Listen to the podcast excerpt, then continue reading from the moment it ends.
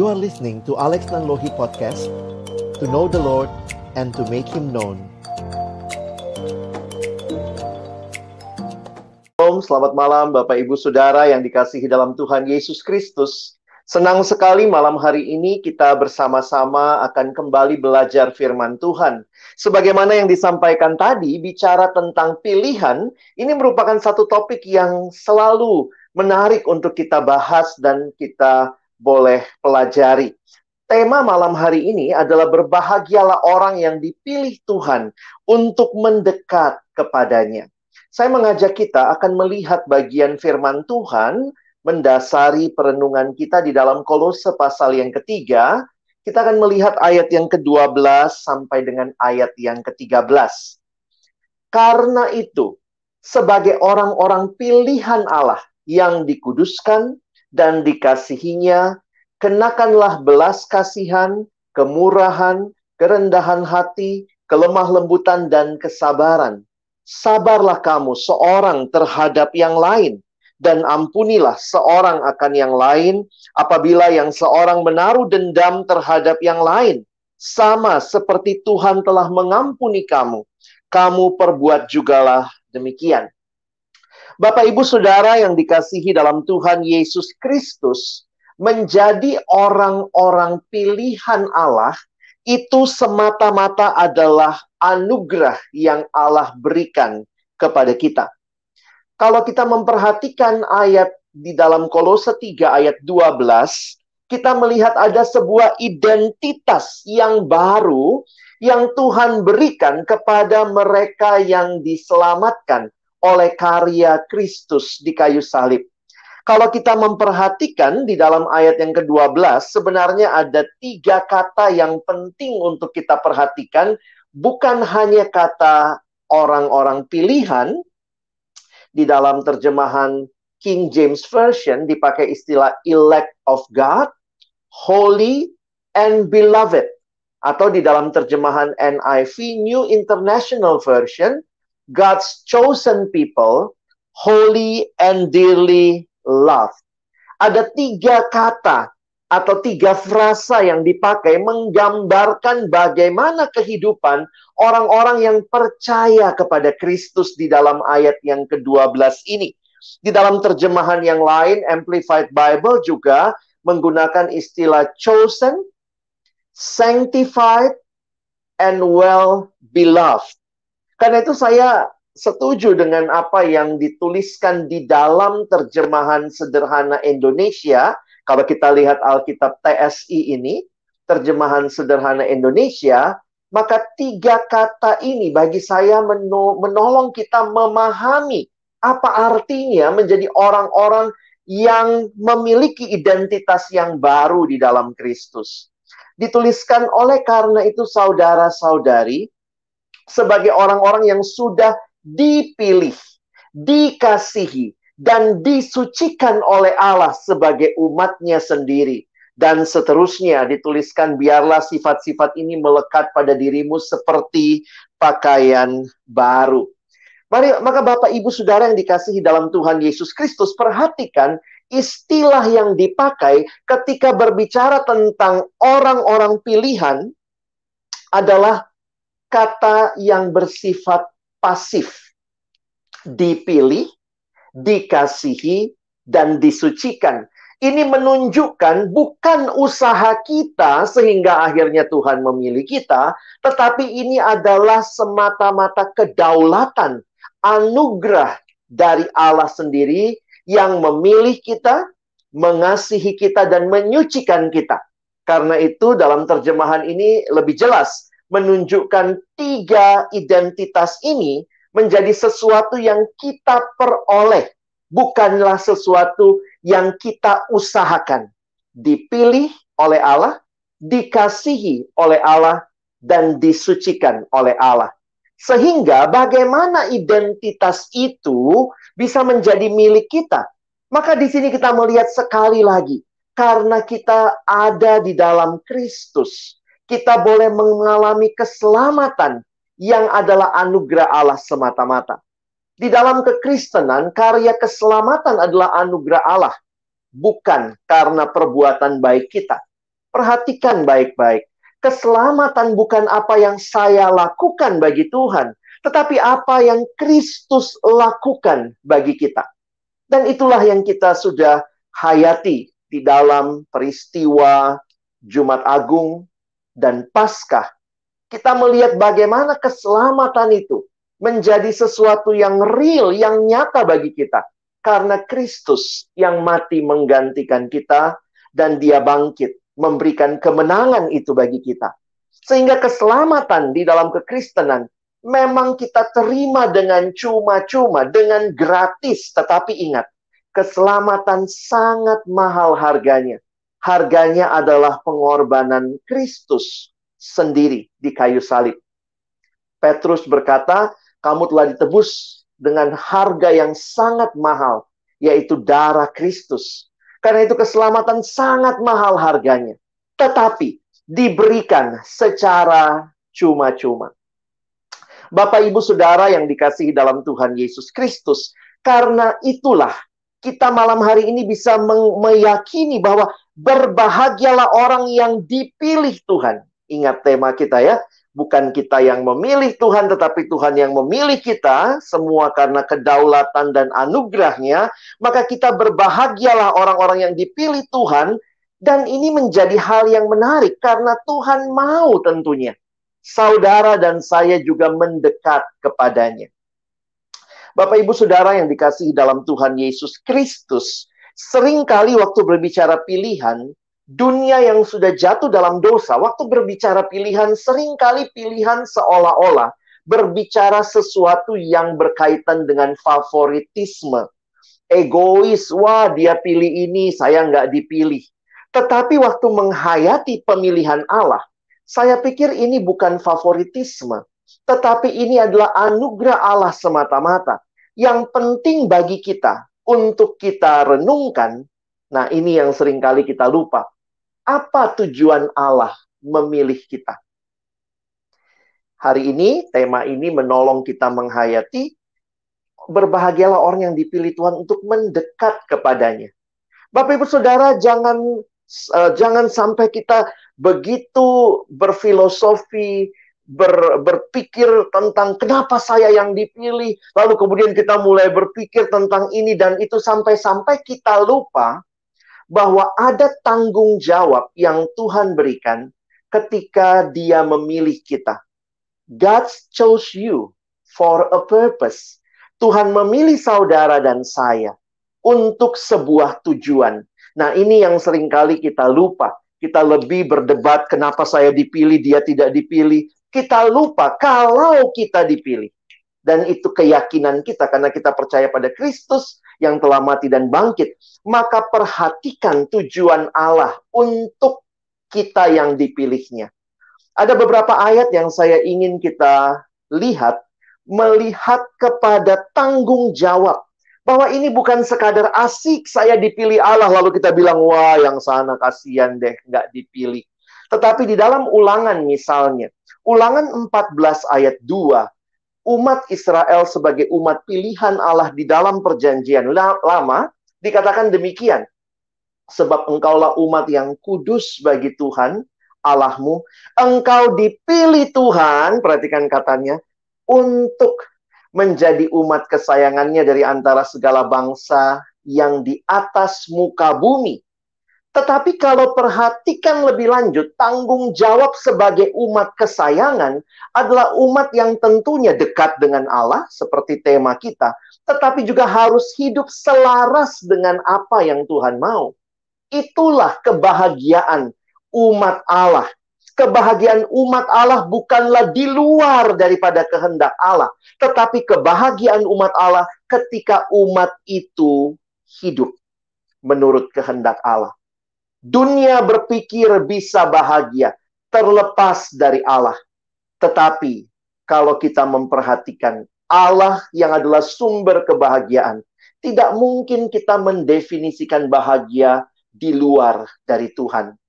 Karena itu perhatikan di dalam 1 Petrus pasal 2 ayat 9, Petrus menuliskan demikian.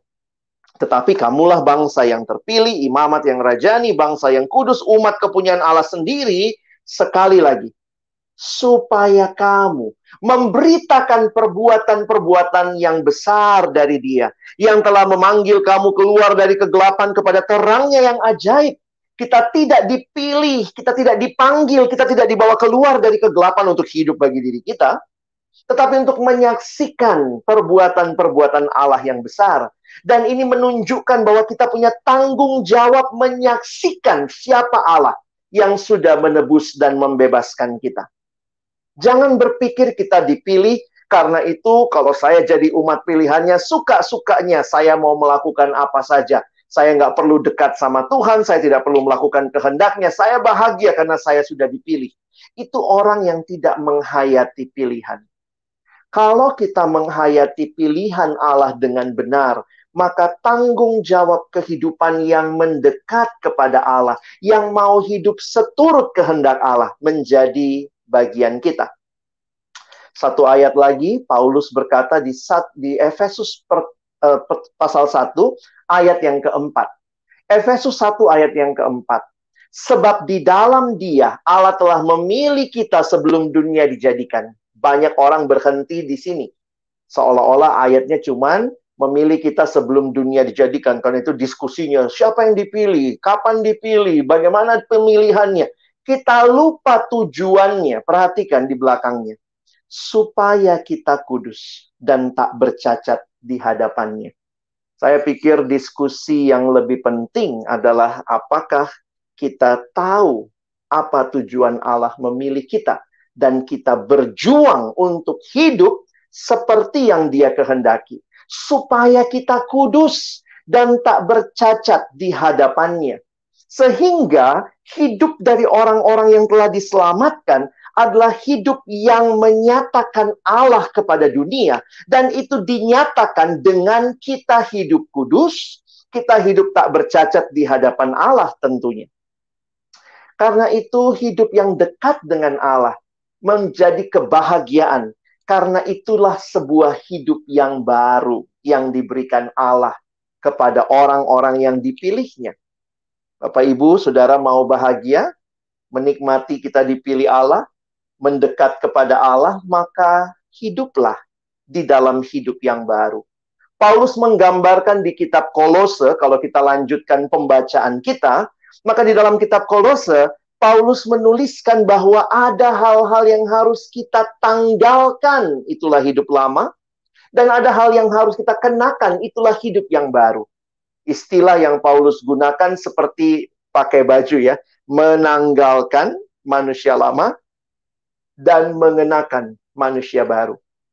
Jadi kalau ditanya, apakah hidup yang berbahagia karena dipilih Tuhan mendekat kepada Dia? Tentunya hidup yang menanggalkan manusia lama. Dalam kalimat yang Paulus tuliskan di Kolose 3 ayat 5 sampai 9, dia menggunakan kata matikanlah. Karena itu matikanlah dalam dirimu segala sesuatu yang duniawi, yaitu percabulan, kenajisan, hawa nafsu, nafsu jahat, dan juga keserakahan yang sama dengan penyembahan berhala. Semuanya itu mendatangkan murka Allah atas orang-orang durhaka. Kita lanjutkan ayat 7. Dahulu kamu juga melakukan hal-hal itu ketika kamu hidup di dalamnya.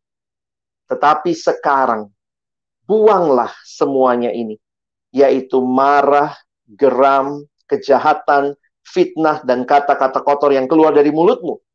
Jangan lagi kamu saling mendustai karena kamu telah menanggalkan manusia lama serta kelakuannya. Ini hal-hal yang harus kita tanggalkan untuk kita hidup berbahagia di dalam pilihan yang Tuhan sudah berikan bagi kita.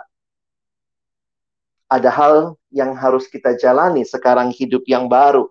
Maka ada hal-hal yang dikenakan ayat 10 dan telah mengenakan manusia baru yang terus-menerus diperbaharui untuk memperoleh pengetahuan yang benar menurut gambar haliknya. Bagaimana hidup manusia baru itu?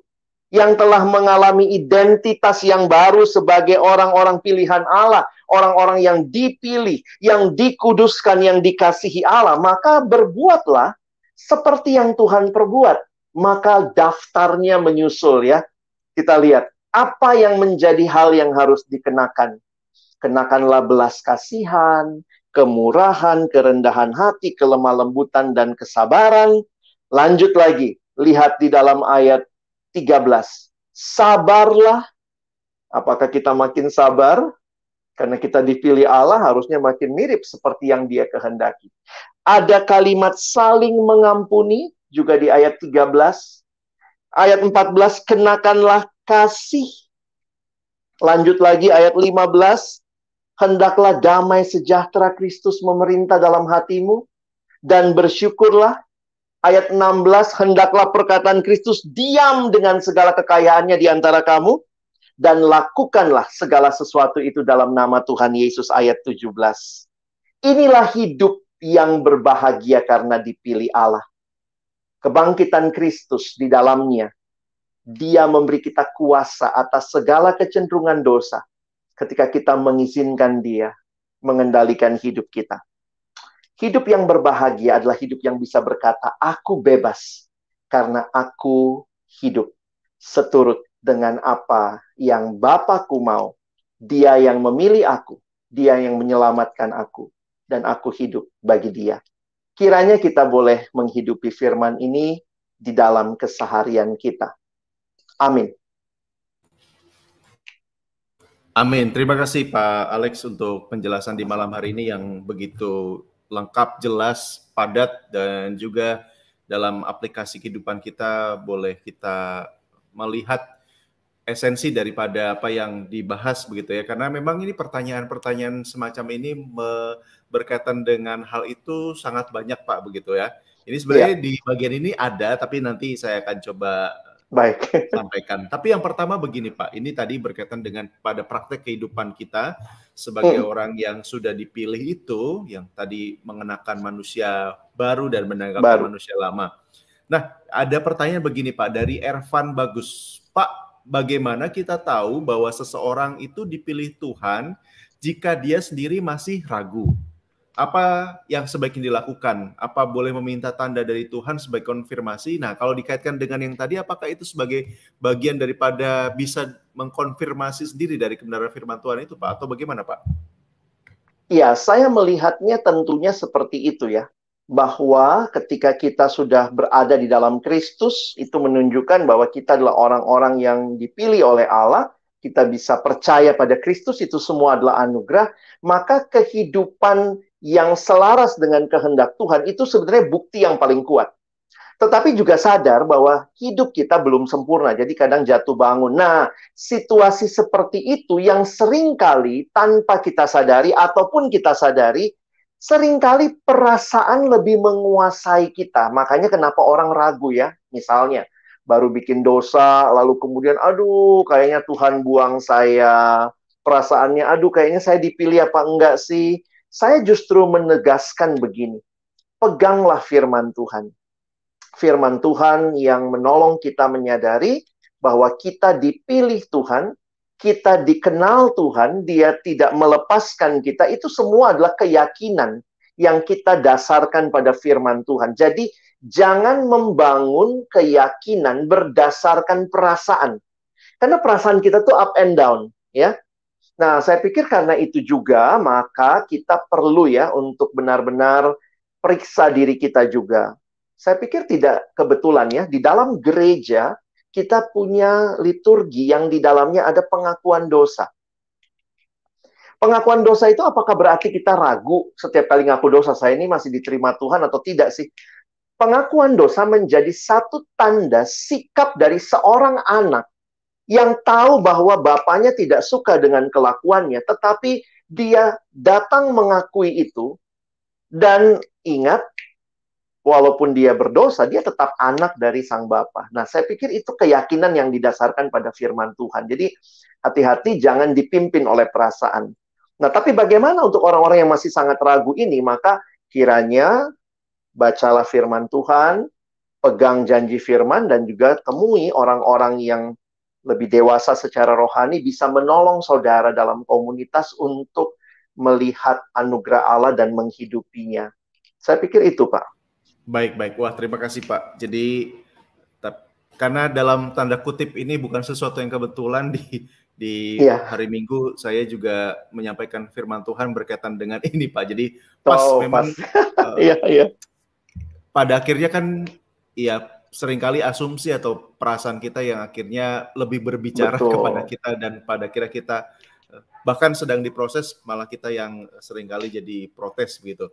Nah, berkaitan dengan itu Pak, ketika wah ini terima kasih dari saya membacakan dulu saudara Eri Sudeu Ya. Salam Tuhan berkati, tidak pernah miss untuk menonton Bara Digital setiap hari dari Wah. Malaysia.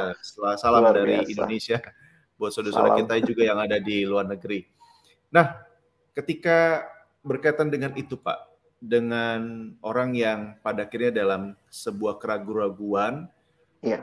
dari Pak Alex sendiri sebenarnya apa yang perlu langkah-langkah misalnya langkah-langkah sederhana ya. yang perlu dilakukan kan lalu ya saya ragu, lalu kan tidak mungkin dibiarkan ya dalam keraguan itu. Nah, Betul. Nah, langkah-langkah praktis seperti apa yang Pak Alek bisa berikan kepada mungkin ya kita semua atau saudara saudara-saudara yang sedang menyaksikan ini sedang ada dalam masa itu, Pak?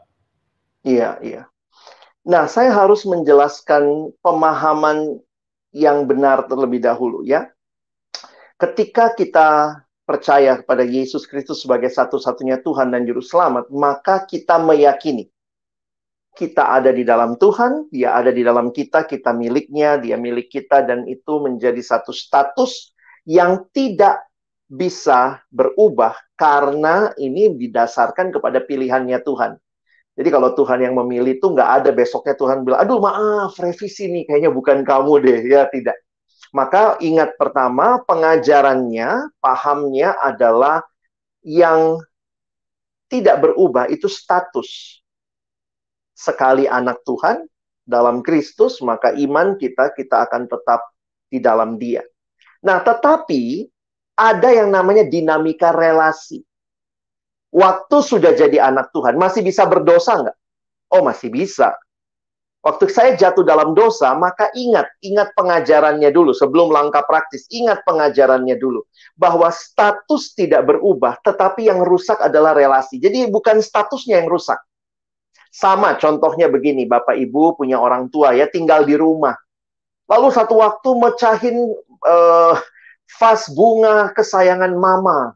Mama punya vas bunga kesayangan. Waktu teman-teman ya saya panggil ya. Kalau teman-teman memecahkan vas bunga kesayangan mama, maka statusnya itu nggak rusak ya. Masa kalau pecahin vas bunga tiba-tiba kamu bukan anak karena vas bunga ini sudah putus hubungan. Yang rusak tuh relasinya. Nah, biasanya kalau orang relasinya rusak, apa yang terjadi? Takut ya. Waduh, nanti gimana nih ya? Kalau mamanya pulang, aduh takut nih ya. Nah, karena itu poin saya adalah begini. Karena yang rusak adalah relasi, maka yang diperbaiki relasi. Jadi langkah yang kita lakukan adalah langkah memperbaiki relasi. Jangan salah, bukan langkah memperbaiki status. Loh, status itu kan orang tua yang memberikan ya kan nggak ada anak yang minta dilahirkan ya dalam tanda kutip. Jadi tanda kutip ini kita dipilih Allah. Status itu dari Tuhan yang diberikan kepada kita. Sekali anak tetap anak. Maka waktu saya berdosa kembali, saya harus memulihkan relasinya. Nah, bersyukur dalam liturgi gereja sekali lagi ada pengakuan dosa.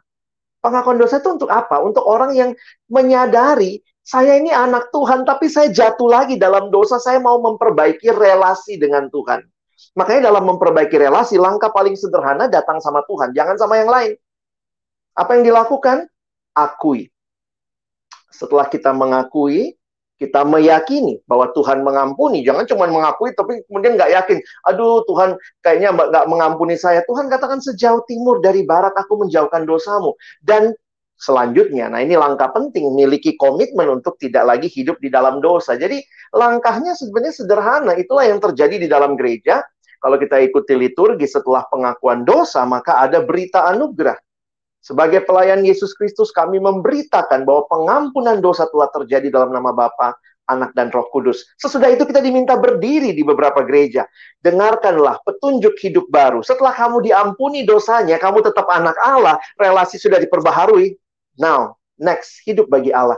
Maka ada petunjuk hidup baru. Saya pikir hayati ini bukan cuma liturgi yang sambil lewat. Saya pikir di dalam gereja itu diberikan kepada kita. Wow, terima kasih Pak Alex ini sangat-sangat menjelaskan bagian ini. Ya. Sekali lagi ini bagian yang artinya berarti tidak ada alasan lagi Pak ketika misalnya gitu ya ada orang yang diajak, "Ayo kita ke gereja" misalnya sebagai contoh ya, gitu ya. ya wah kayaknya nanti dulu deh saya nggak belum panggil Tuhan nanti kalau Tuhan panggil nah jadi bukan itu ya kalau dipanggil bener Pak pulang ke sana iya ya dipanggil ya. apa dulu nih betul betul nah itu karena karena sering kali terjadi begitu Pak karena ya. ada ada sesuatu yang Pola dipisahkan ya. dari status dan relasi kita betul, yang betul. ada dalam Tuhan nah ini berkaitan dengan ini Pak ketika kita bicara tentang ini mungkin bagian terakhir karena ini iya. biasanya ya. sudah sering ditanyakan juga. Yang pertama, saya gabung saja Pak. Saya Boleh, yang pertama silakan. itu ketika bicara tentang pertanyaannya fakta dari fakta Kristen di mana keadilan Tuhan jika Tuhan yang memilih namun bukan karena kehendak bebas manusia. Mungkin dimaksudkan adalah di mana hmm. posisi kehendak bebas manusia begitu Pak. Yang kedua itu eh, karena ada beberapa coba saya lihat eh, Nah, kapan seseorang itu dipilih Tuhan, Pak? Apakah Hmm. Sejak dalam masa kandungan atau misalnya ya kayaknya ini dari kapan begitu Pak? Ya. ya ini yang saya katakan tadi dalam khotbah sebenarnya ya banyak sekali pertanyaan yang lebih sering ditanyakan berkaitan dengan kapan, bagaimana, kok bisa, adil apa tidak. Ya saya sekali lagi juga tidak menyepelekan pertanyaan seperti itu. Tetapi juga jangan lupa ada tujuan Allah memilih kita dalam banyak hal kita harus katakan kita manusia yang terbatas untuk memahami bahkan seluruh rencana Allah. Ada sebuah lagu yang dari awal sampai akhir itu cuma pertanyaan, Pak. Why have you chosen me out of million your child to be? You know all the wrong that I've done. Itu kayaknya nanya terus ya. Tapi kemudian di bagian refrain lagu itu mengatakan, tapi Tuhan tolong aku menjadi seperti yang engkau mau. Secara sederhana, kalau saya boleh menjawab bahwa keadilan Allah dengan memilih itu berdasarkan kedaulatannya. Dan sekali lagi, itu tidak berarti manusia tidak punya kehendak bebas. Tetapi di dalam dosa, nah ini yang harus kita perhatikan. Di dalam dosa, manusia tidak punya kehendak bebas untuk memilih Allah. Nah, nanti Bapak Ibu bisa mendengarkan siaran-siaran bara yang lain yang lebih spesifik membahas hal ini. Tapi saya ingin mengatakan begini, bahwa ketika manusia jatuh dalam dosa, maka ingat, kehendak bebas kita juga terikat kepada dosa. Roma maupun juga Efesus mengatakan manusia di dalam dosa itu diperbudak, diperhamba. Hamba itu tidak punya pilihan. Jadi jangan bilang, wah dia hamba, nggak ada kehendak bebas. Karena dia punya status hamba, maka kehendak bebasnya terikat kepada statusnya. Jadi manusia ketika jatuh dalam dosa ya terikat kepada dosa sehingga mau tidak mau yang dia lakukan adalah berdosa. Nah, karena itu itu tidak melanggar keadilan Allah. Justru di situ kita melihat kalau mau bicara keadilan Allah, orang yang berdosa upahnya adalah maut. Tapi kenapa ada yang dipilih? Justru itu menunjukkan bahwa sebenarnya Allah yang paling kenal manusia dan paling rindu kita boleh kenal dia dan diselamatkan sehingga kita bersyukur Allah bukan cuma Allah yang adil tapi juga dia Allah yang kasih. Nah, jadi buat kita yang menghayati pemilihan ini kiranya kita bersyukur ya. Bersyukur bahwa kalau Tuhan tidak pilih kita, maka ya kita akan upah dosa adalah maut. Nah, itu tidak melanggar hak kebebasan kita karena memang kita nggak punya kebebasan ketika kita sudah jatuh dalam dosa. Dan kapan manusia dipilih? Kalau kita membaca di dalam ayat yang Efesus tadi, dikatakan sebelum dunia dijadikan. Berarti secara sederhana itu di dalam kekekalan. Jadi Tuhan bukannya Tuhan yang pelin-pelan, lalu kemudian kalau satu rencananya gagal ganti rencana. Saya pikir di dalam menghayati kekekalan Allah, yang sekali lagi kita sangat terbatas menghayatinya, ingatlah bahwa saudara dan saya ada di dalam rencana Tuhan ada di dalam kehendaknya yang ajaib. Dan saya pikir itu memberikan ketenangan kepada kita bahwa kita ada di dalam pikiran Allah, di dalam rencana Allah. Mungkin itu, Pak. Wow, terima kasih Pak Alex. Ya, benar seperti yang Pak Alex tadi sampaikan ada beberapa pertanyaan yang menyangkut dan berkaitan dengan hal-hal yang demikian lebih spesifik lagi sudah pernah dijelaskan bahkan oleh Pak Alex ya. sendiri di beberapa bagian tayangan ya. sebelumnya. Jadi silakan teman-teman mengunjungi yang paling gampang adalah di channel YouTube Baradisa Ministry. Ya. Silakan untuk uh, search dengan kata kunci tertentu yang teman-teman kehendaki dan mau cari bisa di lebih spesifik dipelajari dan boleh kalau ada catatan-catatan tertentu bila bisa kirimkan melalui DM Instagram di Barajita Ministry. Malam hari ini kita perlu harus mengakhiri karena keterbatasan waktu yeah. juga. Sekali lagi terima kasih untuk teman-teman yang sudah bertanya. Mohon maaf kalau ada pertanyaan-pertanyaan yang belum bisa saya sampaikan di malam hari ini. Dan juga untuk Pak Alex, terima kasih. Saya rindu Pak Alex boleh Baik. menolong kita Pak untuk menutup di dalam doa. Baik, mari Bapak Ibu sekalian kita berdoa. Tuhan terima kasih banyak karena hari ini kami boleh bersama-sama belajar kembali kebenaran firman-Mu, meneguhkan kami bahwa Engkau Allah yang luar biasa, yang adil, yang kasih, yang berdaulat, yang memilih kami menjadi umat pilihan-Mu yang hidup di dalam dunia sebagai manusia-manusia baru.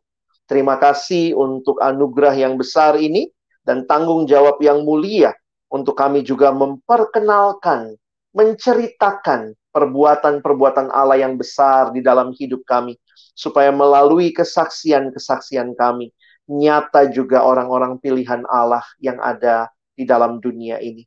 Terima kasih buat kesempatan merenungkan tema ini dan terus berdoa supaya kami boleh hidup selaras dengan kehendakmu, selaras dengan tujuanmu mem memilih kami, tujuanmu men men menyucikan kami ya Tuhan. Terima kasih banyak. Kami berdoa untuk Bapak Ibu Saudara yang malam hari ini mendengarkan siaran ini maupun mendengarkan kemudian. Teguhkan iman mereka. Iman yang tidak dibangun di atas dasar perasaan belaka, tetapi di atas dasar kebenaran firman yang kokoh dan teguh. Dan kiranya boleh terus hidup bagi Allah dan juga bagi sesama. Terima kasih untuk Pak Febi, seluruh tim Bara Digital yang ada di belakang layar, dan juga semua yang mendengarkan kami sungguh berdoa. Kiranya Tuhan pakai pelayanan ini juga membawa banyak jiwa makin diteguhkan di dalam iman kepada Tuhan. Terima kasih buat malam hari ini. Kami menutup siaran malam hari ini di dalam nama Tuhan Yesus yang telah memilih kami. Kami sudah berdoa. Amin. Amin. Terima kasih untuk sekali lagi Pak Alex di boleh menjabarkan kita di malam hari ini dan boleh memberkati kita dengan pengertian yang baru tentang kebenaran firman Tuhan. Terima kasih juga sekali lagi untuk teman-teman yang sudah bergabung, sudah bertanya. Sekali lagi kalau ada pertanyaan yang belum bisa diajukan nanti coba saya akan menuliskannya lagi di menjadi sebuah tema dan akan diusahakan untuk disampaikan kembali.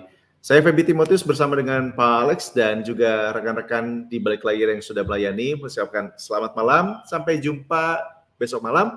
Tuhan berkati. Amin.